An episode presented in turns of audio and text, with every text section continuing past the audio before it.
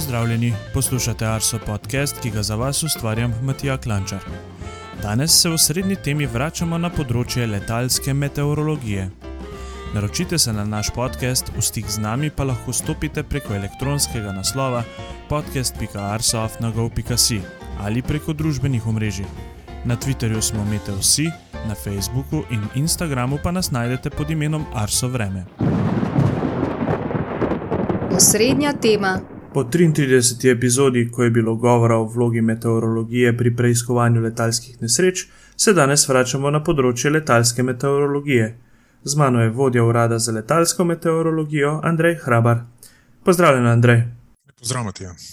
Glede na to, da je uh, urad za met letalsko meteorologijo uh, dokaj nov urad, uh, me zanima, če lahko za začetek ga malce predstaviš, katere oddelke uh, vsebuje. No, organizacijsko je mogoče res nov, ne, tukaj na Agenciji Republike Slovenije za okolje, ampak uh, sama dejav, dejavnost kot služba letalske meteorologije uh, se po Sloveniji uh, izvaja od prvega dneva osamosvojitve naprej. No. Uh, zdaj, uh, kaj obsega ta, uh, ta naš urad, oziroma delo na našem uradu? Uh, mi imamo svoje pisarne na štirih uh, mednarodnih letališčih, oziroma na treh mednarodnih in enem leta, uh, vojaškem letališču. Torej, Imamo svoje pisarne na letališču Jožeta Pučnika, blizu Ljubljana, potem na Brniku, potem pisarno na letališču Edvara Rusjana v Mariboru, oziroma v Rehovi vasi pri Mariboru, na letališču Portoroš v Sečovlah in pa seveda, kot sem že prej omenil, na vojaškem letališču Crkle ob Krki. Poleg tega, da, da pač imamo tam svoje meteorološke pisarne in pa svoje, svoje merilne sisteme in pa opazovalce, pripravljamo tudi napovedi in opozorila za kontrolo zračnega prometa, za sam zračni prostor, za upravljalce letališč, letališke operaterje, letalske operaterje, posadke zrakoplovov in tako naprej. Prav, vse, za vse vidike letalske dejavnosti, no, na kratko.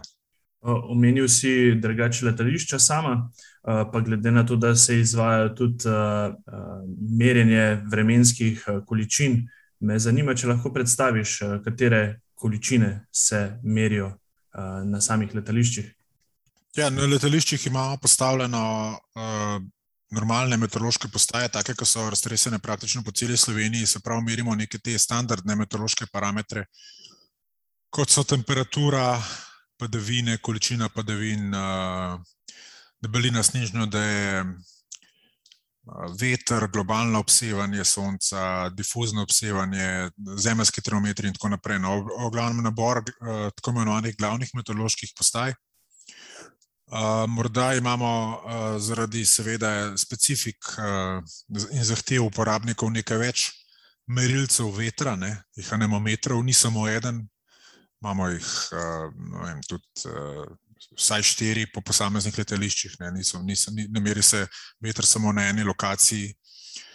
Uh, potem imamo posebne merilce za, mer, za merjenje horizontalne vidljivosti, posebne merilce za merjenje vidljivosti vzdolž letno pristajalne steze, potem imamo posebne naprave za merjenje uh, baze oblakov oziroma vertikalne vidljivosti, tem, tem napravam se reče celiometri, pa še druge načine uh, zaznavanja uh, v bistvu pojavov na daljavo. No? Tako da uh, se pravi, na letališčih merimo nekaj več kot na klasičnih meteoroloških postajah, ampak v glavnem pa tudi vse to, kar se meri na klasičnih meteoroloških postajah. Um, mogoče lahko sedaj malce razložiš, kako se sploh letalska meteorologija razlikuje od uh, splošne meteorologije. Ja, predvsem je to dejavnost, no, ki, je, ki je zelo striktno regulirana. Uh, se pravi, letalska meteorologija kot taka je del uh, pač te, rečemo temu, letalske industrije, kar pomeni, da so zahteve uh, na tem področju uh, pač zelo visoke, ne, predvsem uh, z mislijo uh, in vidikom varnosti uporabnikov. Uh, tako da obvezni so, recimo, sistemi. Zagotavljanja varnosti, varovanja, neprekinjenega delovanja in tako naprej. Ne. To so neke posebne zahteve, ki, ki v splošni meteorologiji mogoče niso tako izražene. A, tehnološko se osredotočamo samo na en tip uporabnikov. Ne. Recimo, to so pač a, Prodajalci zračnega prostora ali pa porabniki zračnega prostora, recimo od splošne meteorologije, ki pokriva praktično vse ostal spektr družbe, če temu tako rečemo, od vem, rekreativcev, vsakega posameznika. Ne. Tukaj se pa dejansko osredotočimo samo tehnološko, samo na, na en tip uporabnikov. Ne. Poleg tega je izjemno mednarodno upeta dejavnost, ker seveda večina letalskega prometa se ne odvija znotraj posameznih nacionalnih držav, ampak potekajo meddržavno te letine in zaradi tega je cela dejavnost zelo mednarodno upeta. Pa mogoče še kakšna zanimivost, ne vem kaj, angliščina je nekako uradni jezik ne, v letalstvu in tako naprej. No, to so neke glavne razlike. Mogoče se tukaj odpira vprašanje, kje imate največ izzivov uh, pri samem napovedovanju? Izzivi na področju napovedovanja vremena so pa, pa kar klasični. Uh, uh, mogoče, mogoče je edina razlika, no, mogoče v tipu napovedi različna. Ne? Recimo, kot uh, v splošni meteorologiji. Uh, vemo, da tam, ko vidimo naše kolege, pa najne kolege, ko jih vidimo na televiziji ali pa ko preberemo uh, pač v medijih te vremenske napovedi, so te napovedi z obeti tako do nekih pet dni naprej, ne, ali pa celo do deset. Ne. V letalstvu pa to ni tako daleč. No. V bistvu uh, bolj se osredotočamo na te tako imenovane nowcasting uh, napovedi, se pravi zdajšnje in pa za nekaj ur naprej. Ne, ker recimo nek tipičen polet, klep po Evropi traja dve, tri ure mogoče čez Atlantik se leti nekaj ur. Ne. Se pravi, uh, za napovedi, ki so dlje kot en dan vnaprej, sploh uh, v tej branži skoraj niso aktualne. Z, uh, se pravi, napovedovanje je. Uh, malce drugačno kot v splošni meteorologiji, in se osredotoča na, na, na napovedovanje dogodkov, da do kakšnega dneva, dneva in pol naprej, pa pojavi, ne, ki vplivajo na, se pravi, napovedujejo se predvsem pojavi, ki vplivajo na letalski promet. Ne, to so, recimo, vemo, recimo, kakšne nevihte, magla, slaba vidljivost, ne, močan veter, potem te v bistvu pojavi v atmosferi, ki se pa ljudi, na, na, na, ki hodimo po tleh, no, praktično ne, ne, ne tičejo, kot so turbulenca, recimo zaledenitev in tako naprej z dosti zanimivimi stvarmi se soočajo letalski meteorologi uh, pri svojem napovedovanju. Uh, kako pa sploh postaneš letalski meteorolog? Mislim, letalski meteorologi so licencirane osebe, se temu reče. Ne? Se pravi, vsi imamo neka posebna dovoljenja ne? za delo na letališčih. Ne? Uh, zdaj je pa predstavljaj si tako kot recimo neko vozniško dovoljenje. Ne? Ti imaš potem. Ga imaš, potem imaš pa noter kategorije za vožnjo ABC, ne vem, odvisno, zakaj si se v bistvu eh, usposobil oziroma specializiral. No. Tako imamo tudi letalske meteorologe, v bistvu tri tipe eh, pooblastila. Eno je ta pooblastilo opazovalec, ne, se pravi ta eh, pač letalski meteorolog, ki se ukvarja z opazovanjem in ocenjevanjem atmosferskih pojavov na letališču. Ne. Potem imamo pooblastilo prognostika, ne, se pravi, to je. To je pač uh, oseba, ki, uh, ki je kompetentna oziroma usposobljena za pripravo uh, vseh vrst vremenskih napovedi in opozoril v letalstvu. Ne. Potem pa uh, imamo uh, svojo pač, uh, neko izobraž izobraževanje oziroma usposabljanje teh kadrov, tako da lahko uh, pač letalski meteorologi pridobijo tudi pooblastilo uh, inštruktorja ne, in potem v bistvu uvajajo v, v ta posel. Uh, mlajše, oziroma novejše kolege. Če pa že govorimo no, o, o formalnih izobrazbah, recimo za ta za ta nivo prognostika, pa če treba narediti drugo bolonsko stopno, najprej na smer meteorologija na naši fakulteti za matematiko in fiziko. Ne. Potem pa sledi še, tako kot sem že prej omenil, v tej naši ARSO letalski šoli, ne, še eno letno usposabljanje pod nadzorom inštruktorja. Ne. Sledi izpit, tako kot vozniški izpit ne, pred komisijo, in potem, če uh, izpolnjuješ vse pogoje, lahko začneš samostojno upravljati uh, to delo na letališču ali pa uh, v, v centru ne, letalske meteorologije. Mogoče lahko poveš, uh, koliko je zdaj v Sloveniji teh letalskih meteorologov? Ja, aktivnih licenc je, uh, licenc je tam uh, okrog 25 plus 2 pripadnika slovenske vojske sta tudi usposobljena za to delo, pa nista zaposlena na ARSO, ampak se v bistvu izobražujeta v okviru naših izobraževalnih programov, delata pa večinoma na letališču Crkve ob Krki. No. Kakšne pa so kaj delovne naloge letalskih meteorologov? Ja, kot sem že prej omenil, uh, odvisno od pooblastil, ki jih imajo. Zdaj, uh, sprav, ena skupina je teh uh, pozovalcev, ne, se pravi, oni zbirajo podatke, meritve na, let, na letališčih, jih, jih pač opisujejo v neke posebne oblike. Um, sporočajo te podatke naprej, ne, ali je to kontroli zračnega prometa, ali pa recimo pilotom. Ne. Uh, potem imaš pa, uh, pa v bistvu še prognostike, ne, ti pa uh, v bistvu uh, pač pripravljajo napovedi in opozorila, pa izvajajo tudi uh, posvetovanja, se pravi, briefinge se temu reče. Se pravi, uh, vedno smo na voljo na 24 ur na dan, uh, vse dni v letu, tudi za posvetovanje z uporabniki um, zračnega prostora, ne, uh, da so razmere primerne za letenje ali niso tako naprej. Ne. Poleg teh funkcij, seveda, upravljajo še nadzorno funkcijo, ne, se pravi, mislim, ne smemo prvoščiti, da, da kakšni naši sistemi ne bi delovali pravilno ali pa da bi prišlo do nekih napak. Se pravi, zelo pomembna je tudi ta nadzorna funkcija, ki jo upravljajo, in pa seveda potem izvajanje nekih načrtov neprekinjenega delovanja oziroma izvajanja rezervnih procedur, če gre slučajno kaj narobe. Ne, seveda, to, če gre kaj narobe, ne, seveda, dogajajo se napake na sistemih, na napravah, v nobenem trenutku seveda ne sme biti ogrožena varnost letenja. Ne, in zato imamo izdirane zelo podrobne načrte, ne, in, ki jih tudi redno testiramo in jih potem seveda po potrebi tudi izvajamo. Um, če se zdaj dotaknemo malce bolj prognostičnega dela, Uh, lahko razložiš, kako nastane letalska napoved? Ja, dokaj klasično. Uh, še vedno je to vremenska napoved, kako koli obrneš. S, uh, s tem, da je prilagojena uporabnikom ne? in, in zelo standardizirana. Se pravi, ta izhodna oblika vremenske napovedi je, uh, se pravi, sama tehnologija priprave, če temu tako rečem, ne, uh, analiza, diagnostika, uporaba meteoroloških modelov in tako naprej je, je dokaj klasična, ampak potem output na izhod je pa mogoče malo drugačen. Ne.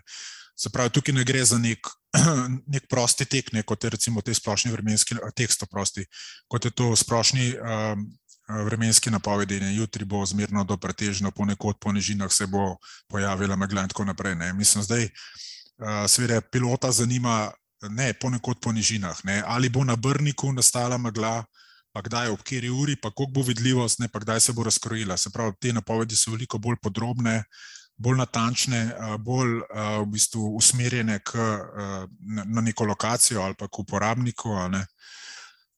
Vsebujejo več informacij in tako naprej. Ampak ponovno, ne, seveda so pa zelo kratkoročne, ne, gre za napoved do en dan naprej. Ne, prav, težko, drugače bi tako podrobno po, napoved pisali za pet dni naprej, bi bil tekst vem, zelo dolg. Ne, in uh, je treba tudi v bistvu ta kompromis, recimo pri splošni prognozi. Uh, letalska napoved je pa seveda mnogo bolj podrobna, uh, se pravi in časovno in prostorsko. Ne. Um, ob nekih zanimivih meteoroloških dogajanjih v ozračju, uh, si mislim, da, verjet, da izdajate tudi opozorila pred, uh, v svojih napovedih. Lahko mogoče mal, malce o tem, kaj več poveš. Ja, seveda. Ne. V bistvu ena od seveda, ključnih nalog je, kot sem že rekel, zagotavljanje varnosti uh, zračnega prometa in pa tudi v bistvu vseh izvajalcev. Tako da ja, izdajamo tudi opozorila ne, na nevarne pojave, um, ki se pojavljajo ali v zračnem prostoru ali pa na tleh. Recimo, tipično za letališča, ne, za upravljalce letališča, recimo, izdajamo opozorila pred nevihtami, ko se bližajo letališču. Ne. Zakaj? Zato, ker recimo, takrat, ko so nevihte na letališču, seveda se ne, se ne more tankati letala, ne, recimo, ali pa ne vem kaj. Uh, močno snaženje je lahko tudi problem, ker v bistvu zapre letališče, lahko, ne, ker se staza, staza ne da očistiti. Potem močan veter, uh, močan veter je problem, pa kakšne podhlajene padavine, nastane poledica, lahko tudi na vzletno pristajalni stazi, ne, še bolj je nevarna, ne, kot recimo, ali pa tudi kot, kot na cestah, seveda, ko pride do nesreč in tako naprej. Ne. Tako da ja, izdajamo tudi upozorila. Ne. Spet so ta opozorila dokaj standardizirane v standardni obliki, v standardnih formatih, tako da jih uporabniki znajo, seveda, in prebrati in uporabljati. Mogoče tukaj se meni osebno vprašanje uh, poraja. Mgla na, na nek način ni nek večji problem več zaradi vseh teh uh, um, pripomočkov, ki jih, ki jih imamo na letalih. Uh, vsaj spomnim se enkrat, da smo pristajali na letališču v Cirihu. Jaz nisem videl praktično do tal, da, da smo v fazi pristanka in potem, ker naenkrat smo pristali na tleh.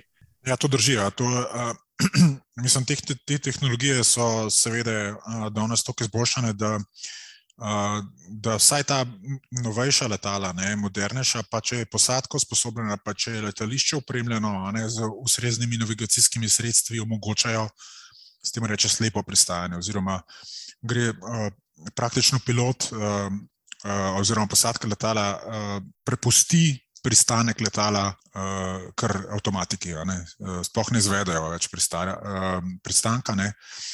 To se temu reče tako imenovana K3 kategorija letališč in pa operacij. Tako je tudi recimo, letališče Jožda Pučnika. Mislim, da ima te sisteme že od, začet, od konca 20. stoletja, no? praktično že 20 let so tudi na tem letališču. Um, omogočena pristanja praktično v, v vidljivosti, ki je že problem tudi za avto. No, če na, na nek način lahko rečem, da je že problem je že, že sama. Lahko včasih je celo bolj nevarno se potem odpeljati z letališča v take gosti mogli, kot pa samo, kot pa samo pristajanje. Ne. Bi me pa enkrat zanimalo, na osebno, ko se je že to omenil. Uh, žal to danes ni več mogoče, uh, da, bi, da bi sedel v kokpitu. Ne, v, takrat, ko se pristaja, ko, ko je vse belo in kar naenkrat se pretava, upaš, da se bo pojavila zletna pristajalna steza. Ne. To zna biti kar adrenalinsko. No. In, mogoče, mogoče ni več megla nevarna uh, v tem smislu, dejansko več. Je pa še verjetno z tega nekega psihološkega stališča ali pa kaj, dosti adrenalinski šport pristajanja v meglino. Uh, ja, je kar res. Uh, Prej si že omenil, drugač, da mednarodno tudi sodelujete. Uh, ob tem lahko povem, da smo tudi v našem, v našem podkastu že gostili uh, kolega Sašo Slabajno, ki je predstavil uh, projekt EGAFOR v 48. epizodi. Morda sodelujete mednarodno še na kakšnem projektu, ki ga lahko deliš z našimi poslušalci. Oh, tega, je pa, tega je pa kar precej. Uh, mislim, tako kot si omenil, ja, mednarodno smo zelo opiti. No. Zdaj na misli mi takoj pride vem, par teh skupin. Ena je tako imenovana MedGroup, MedG-Group pri Mednarodni organizaciji za civilno letalstvo, tam smo dolgoletni člani. Ta se ukvarja predvsem s standardizacijo procedur, procesov, vem, formatov in tako naprej. Pol, pol ena skupina imenovana Avimet, ne pa Jumetneto. To je skupina, ki združuje pač uh, te uh, službe letalske meteorologije po Evropi. Ne, se pravi, smo spet neki eksperti z tega področja, ki izmenjujemo znanja, izkušnje. Uh, tako naprej. Potem imamo pa v bistvu neke zelo tako operativne projekte, kot je Krokon, kro, uh, se pravi Cross-Border Convection Grupa, ne, v, bistvu, ki, v kateri usklajeno istočasno z istimi urodji pripravljamo opozorila za zračni prostor za celo Evropo. Ne? Vse države sodelujejo, oziroma veliko držav evropskih sodeluje v tem projektu. Pa imamo eno tako skupino operativno, kle, recimo, ki se tiče bolj, recimo, temu Alpe Jadran področja, DAH, WMO se imenuje.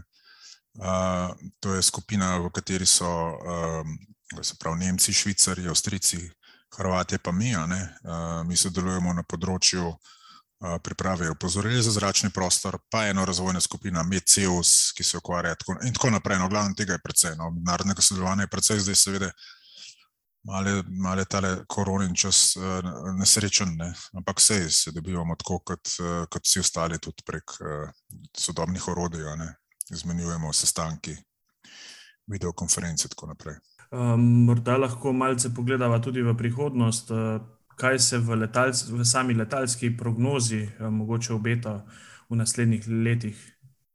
Ja, Klej se seveda dogajajo uh, z, z napredkom tehnologije, seveda neki, rekel, celo tektonski premiki, ne, tako kot posod uh, v naši družbi. Uh, Veliko se dela v tem, uh, da, bi bila, da bi bile napovedi reče, prilagojene za, za uporabnike, se reče kot nek tailor-made, se pravi da ne bi bila vremenska napoved samo napoved, ampak da bi že vključovala v bistvu tudi neko oceno, kako bi vplivala, kako ta vremenska stanja bodoče vplivajo na samo dejavnost uporabnika. No. Drugače pa, drugače pa v Evropi zdaj dve, recimo, glavni zgodbi, ki se dogajata na področju letalske meteorologije. En je projekt, ki se mu reče SWIM, System Wide Information Management. Ne, v bistvu gre za to, da, da poskušamo, to gre bolj za ta informacijsko nadgradno. No. Um, v bistvu se, ne, se nekako v bistvu dela na tem, da bi. Um, Ko bi to razložil, no, tako, po, uh, uh, tako, kot, tako kot recimo Uh, danes, recimo, vsi kupujemo, ali pa ne vsi, no, ampak velik, uh, trgovina sa selna spleta. Ne, v bistvu. In zdaj imaš ti neko spletna mesta, na katerih imaš vem, uh, na voljo 100 ali pa 200 blagovnih znamk, ne, med katerimi lahko izbiraš in v bistvu izbereš uh, tisto, kar te paše, pa tisto, kar te postreza, ne, in v bistvu potem uh, ti to prepeljejo na dom. No. In svim je nekaj podobnega na področju um, meteoroloških informacij za letalce. Ne. Se pravi, spostavlja se neka infrastruktura, nek sistem, um, kjer, bo, uh, kjer bo nek katalog v bistvu standardiziranih, um, uh, prilagojenih meteoroloških informacij, in potem bo lahko recimo neka letalska kompanija uh, prišla pogledati na to, na to platformo. Aha, ne vem, letim v, v Ljubl na Ljubljansko letališče, rabim pa to, pa to, pa to, pa to, in izberemo v bistvu informacije, ki me zanimajo, in jih potem v bistvu avtomatično si uh, prenašam ne, v svoje sisteme, uh, s tem v bistvu uh, si zagotovim to neko podporo uh, letenju. No. To je ena zgodba, druga zelo zanimiva zgodba, ki se dogaja. Um, je pa seveda meteorološka podpora uh, brezpilotnim sistemom zrakoplovov. Se pravi, to so te unmanned aircraft systems, po angliško OAS se temu reče. Se pravi, to so ti droni, ne vem, prahajajo, vse to, te, uh, to si verjetno že slišal, prahajajo, ne vem, uh, brezpilotni taksi, uh, delajo na tem, da, bo, da bojo nadomestili dostavo na en pic na tvoj dom in tako naprej. Ampak le zdaj drug problem nastane. Sveda, okay, zdaj, vse to, kar leti po zraku, ima zdaj nekje ne, še nekega šoferja, ne, oziroma pilota. Zdaj te zadeve bodo same letele in kaj se bo zdaj zgodilo? Lahko, ne, recimo, ne, ma, kako se bo zdaj ta brezpilotni sistem um, izogibal nevihtama, ne, samo od sebe? Ne, kako bo to, kako, uh, kje bo dobil te informacije, kje se nevihte nahajajo, kako bomo dostavili te informacije do, do teh brezpilotnih sistemov? Ne, potem ne vem, veter. Ne, Uh, tudi te imajo neke omejitve, tudi te naprave imajo neke omejitve. Ne? Recimo, letela bo iz točke A v točko B, tam v točki B pa pika močan veter, ali bo zdaj lahko tam pristalo. To se, mislim, to se bo mogli sistemi sami odločati, če so brezpilotni. In zato rabijo naše informacije. In to je mnogo boljše, še mnogo boljše, še bolj zanesljive, kot so že zdaj na voljo, ne? ker tam je še vedno človek, ki se lahko odloči pravilno in je šolan za to. Tako da to je še ena tak velik izziv, no, v naslednjih, verjetno, petih, desetih letih, bo treba razviti nove, popolnoma nove sisteme za, za te brezpilotne sisteme zrakoplovov, ne, in da se bo še zagotovilo tudi varno letenje teh naprav. Ne. Ja, zelo zanimive stvari si že zdaj izpostavil. Um, morda za zaključek, glede na to, da že imaš veliko izkušenj tudi uh, z letalske meteorologije. Um, se ti je mogoče kakšna posebna zgodba uh, iz letališča vtisnila v spomin? Ja, teh zgodb je pa tudi veliko. No. Um, ja, Sveda, v vseh teh letih, ko sem um, delal na letališču Mrske, no, se je že zgodilo. Uh, zdaj, mogoče ne zgodba, no, pa dogodek kot tak. No, spomnim se takrat, ko sem bil še mlad, da meteorolog. Um, da sem delal, da sem bil dežuren na dan, ko sta predsednik ZDA, uh, takratni George Bush in pa uh, premijer, predsednik Rusije uh, Putin, ne, se srečala pri, na Brdu pri Kranju. To je bilo, mislim, da leta 2001. Videti to mašinerijo, ne, uh, ki imajo te super, super sile za sabo, kako to ene tehnike. Pripeljejo, preden se sploh, da se zgodi tako srečanje, to je nekaj neverjetnega. Ne. To mi je ostalo tako zelo spominjeno. No. Drugače pa še kakšne take zanimivosti. Kaj pa vem? No. Mislim, enkrat vem, da, sem, da smo na, na, na, na stazi upozvali, uh, ko je pristalo, pristajalo neko letalo, ne vem, kje je kompanija zdaj točno. No. In se, uh, ko spustijo, uh, ko spustijo uh, kolesa, ne, se jim tam prižge neka kontrolna ručka, da so kolesa spuščena. Ne. Zdaj, um, ta pilot je javil, da, da jim ta kontrolna tučka, lučka ne dela, čeprav je spustil kolesa. On ni, bil, on ni bil prepričan, da so se kolesa dejansko spustila, ker je prišlo do neke napake. Ne. Potem je v nizkem preletu, uh, preletu uh, preletel enkrat z letno pristajalno stazo na Brniku, ne, da je kontrol vizualno potrdil, ne, da so kolesa dolne, naredil še en krok in potem pristal. No. Mislim, take stvari se dogajajo, pa tudi recimo, so do, do zanimive. No, tudi, pa, še, pa še bi lahko, seveda, teh zgodb je precej. Ja, verjamem. Ja. Uh, mislim, drugač, da smo s temi zgodbami tudi lepo pripeljali na en zanimiv pogovor do konca. Andrej, najlepša ti hvala za tvoj čas, za pogovor. Pa verjamem, da uh, in upam, no, da si boš vzel kdaj čas s kakšnimi zanimivimi projekti, da jih boš predstavil tudi našim poslušalcem. Ja, seveda, Malenko, hvala za povabilo in seveda z veseljem, ko me vseš, povabiš, se bom odzval. Obeti. Kakšno bo vreme v naslednjih dneh, nam bo zaupal Blaž Šter. Lepo pozdravljeni. Začela se je zima, če ne drugega, smo s 1. decembrom vstopili v meteorološko zimo. Više lege in tudi nekatere nižine, predvsem v severni Sloveniji, prekriva snežna odeja. Ponekod je bilo predvsem včerajšnje jutro mrzlo. Smo v režimu hitrega spreminjanja vremena in kaže, da bo podobni vzorec ustrajal še naprej. Kakšen je razlog za to dogajanje? Smo v dinamičnem vzorcu, nad Atlantikom ustraja blokadni azorski anticiklon.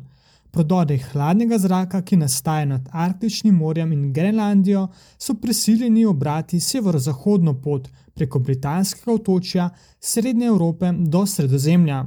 Zračna masa je razmeroma hladna le v višinah, pri tleh pa ne, saj se zrak preko morja že nekoliko ugreje. Že včeraj se je začel dotok toplejšega zraka, pihati je začel ukrepljen zahodni do jugozahodni veter. Zjutraj imamo tako pestro vremensko sliko. V krajih z vetrom je temperatura precej nad lediščem, v zatišnih legah pa je še pošteno mraz, tudi pod minus 5 stopinj. Čez dan se bo veter še ukrepil, na notranskem in po nižinah vzhodne Slovenije bodo najmočnejši sunki tudi do 70 km/h. V višjih predeljih bo veter še močnejši, Ta lahko sprva še prenaša suh sneg. Zjutraj bo precej jasno, čez dan pa se bo v zahodnih krajih kar hitro pooblačilo, sončno bo ostalo na vzhodu Slovenije. Sredi dneva bo na primorskem in notranskem že začelo rahlo deževati, zvečer se bodo padavine občasno razširile tudi na dosrednjo Slovenijo. Zaradi otoplitve bo maja sneženja kar precej visoko, le na severozahodu bo rahlo snežilo do alpskih dolin. Najviše dnevne temperature bodo po nižinah osrednje Slovenije okoli 5 stopinj, na vzhodu in na primorskem pa od 7 do 12, hladneje, malo nad lediščem, bolje v Alpskih dolinah.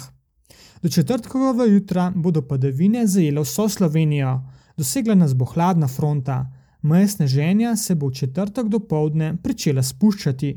Kaže, da bo znova snežilo tudi ponekod po nižinah.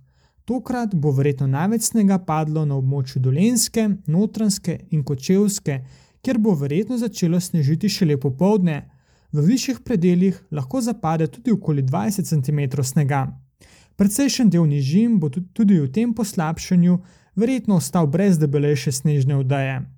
Ob prehodu fronte bo na primorskem zapihala šipka dozmerna burja. V petek se bo od zahoda nad Alpe in tudi naše kraje prehodno razširilo območje visokega zračnega tlaka. Sprva bo še nekaj oblačnosti, popovdne pa se bo posod razjasnilo. Pihal bo večinoma šibak, severovzhodni veter.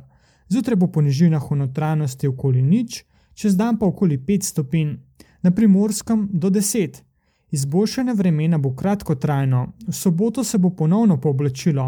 Najverjetneje se bodo zvečer na zahodu že začele pojavljati rahle padavine. Dogajanje je trenutno še negotovo, odvisno kako se bo razvijal višinski prodor hladnega zraka nad Atlantikom in tudi zahodno Evropo. V noči na nedeljo in tudi na nedeljo do povdne bo verjetno nekaj padavin. Kaže, da bo po nižinah v notranjosti dovolj hladno za sneg, vprašanje je le, če bodo padavine. Tudi v prihodnem tednu kaže na dinamično dogajanje. Trenutno so obeti dobri za ljubitelje zime, predvsem v gorah se bo še snežna odeja še naprej kopičila, nekaj ga bo verjetno padlo tudi po nižinah. Spremljive vremenske razmere bodo neugodno vplivali na stabilnost snežne odeje. Če se odpravljate v gore, preverite, kakšna je vremenska napoved in stanje snežne odeje, ter kakšna je nevarnost proženja snežnih plazov. Srečno, do prihodnič. Vremenske zanimivosti. Z današnjim dnem smo vstopili v meteorološko zimo. Tako bomo v vremenskih zanimivostih preverili najbolj istopajoče vremenske podatke letošnje jeseni in meseca novembra. Najvišjo temperaturo v zadnjih treh mesecih smo izmerili 15. septembra v Novem mestu, ko se je živo srebro povzpelo do 32,9 stopinje Celzija. V mesecu novembru smo najvišjo temperaturo beležili na postaji Godnje, 11. novembra je bilo 20,4 stopinje Celzija. Najnižja temperatura jeseni je bila po pričakovanjih dosežena v mesecu novembru. Dosežena je bila prav na zadnji dan meteorološke jeseni. V zadlogu nad Idrijo je termometer pokazal minus 17,6 stopinje Celzija. Tudi najhitrejši sunek vetra jeseni smo izmerili meseca novembra. 4. novembra je pihalo s hitrostjo 150 km/h na naši najvišji meteorološki postaji Kredarica. Prav tako smo največjo količino padavin jeseni izmerili v mesecu novembru na postaji Kanin. 4. novembra je padlo 157 mm padavin v enem dnevu. Najbolj sončna postaja meseca novembra je bila postaja Slavnik, ki je zbrala nekaj več kot 110 sončnih ur. Največ sonca v enem dnevu pa je 11. novembra zbrala postaja Kanin 8 ur in 49 minut. V meteorološki jeseni je bila najbolj sončna postaja letališče Portorož, ki je zbrala nekaj več kot 545 sončnih ur. Z vremenskimi zanimivostmi smo 70. epizodo Arso podcasta pripeljali do konca. Želim vam veliko lepega vremena in se slišimo čez 14 dni.